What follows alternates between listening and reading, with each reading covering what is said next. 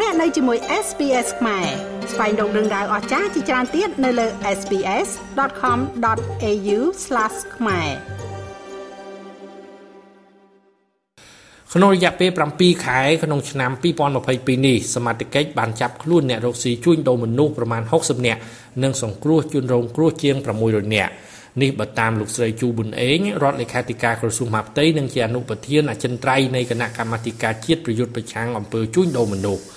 លោកស្រីជូប៊ុនអេងបានប្រាប់មន្ត្រីអង្គការសហប្រជាជាតិទទួលបន្ទុកសិទ្ធិមនុស្សនៅក្នុងជំនួបនៅថ្ងៃទី22ខែសីហាថា7ខែក្នុងឆ្នាំ2022នេះអាជ្ញាធរកម្ពុជាបានបង្ក្រាបអំពើជួញដូរមនុស្ស74ករណីហើយបានចាប់ខ្លួនជនល្មើសជាជនជាតិចិន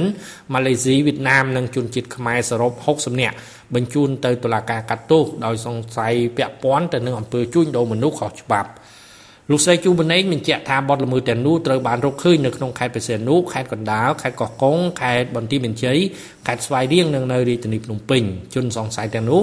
បានបោកបញ្ឆោតជនរងគ្រោះពីប្រទេសផ្សេងផ្សេងចូលមកកាន់ប្រទេសកម្ពុជាដោយសន្យាឲ្យធ្វើការទទួលបានប្រាក់កម្រៃច្រើនជាដើមលោកស្រីជូបណេង ដូចយើងទាំងអស់គ្នាបានជ្រាបហើយថាអង្គើជួញដូរមនុស្សបាននឹងកំពុងតែកក្រើករំពើកនៅទូទាំងពិភពលោកដែលយើងហៅថាជាវិបត្តិសកលចាប្រទេសតូចឬធំគឺសុទ្ធតែទទួលរងនៅអង្គើជួញដូរមនុស្សនេះពីព្រោះវាជាអ ுக ្រិតកម្មឆ្លងដែនហើយវាមាន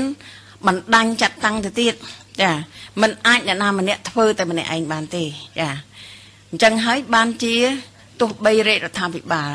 ឬមួយក៏សកលលោកនេះដែលខំប្រឹងបង្កើតនៅច្បាប់នៅគោលនយោបាយបទដ្ឋាន អនុសញ្ញាកតិកាសញ្ញា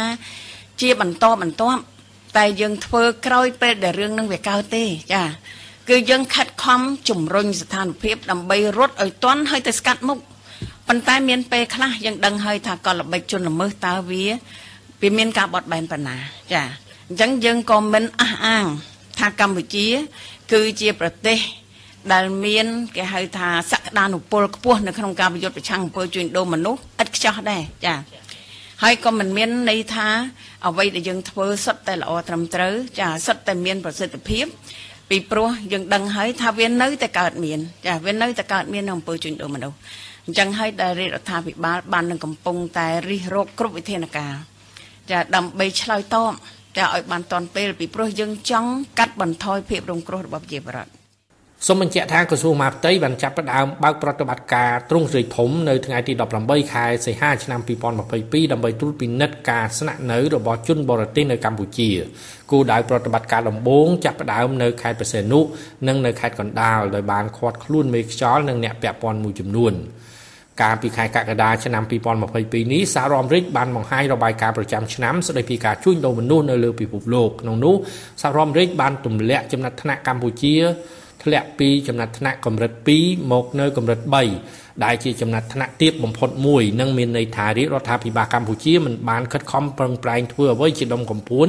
ដើម្បីកែលម្អហើយមិនបានបំពេញតាមបទដ្ឋានអបបរមាដោយដែលបានកំណត់ក្នុងការប្រយុទ្ធប្រឆាំងអំពើជួញដូរមនុស្សឡើយ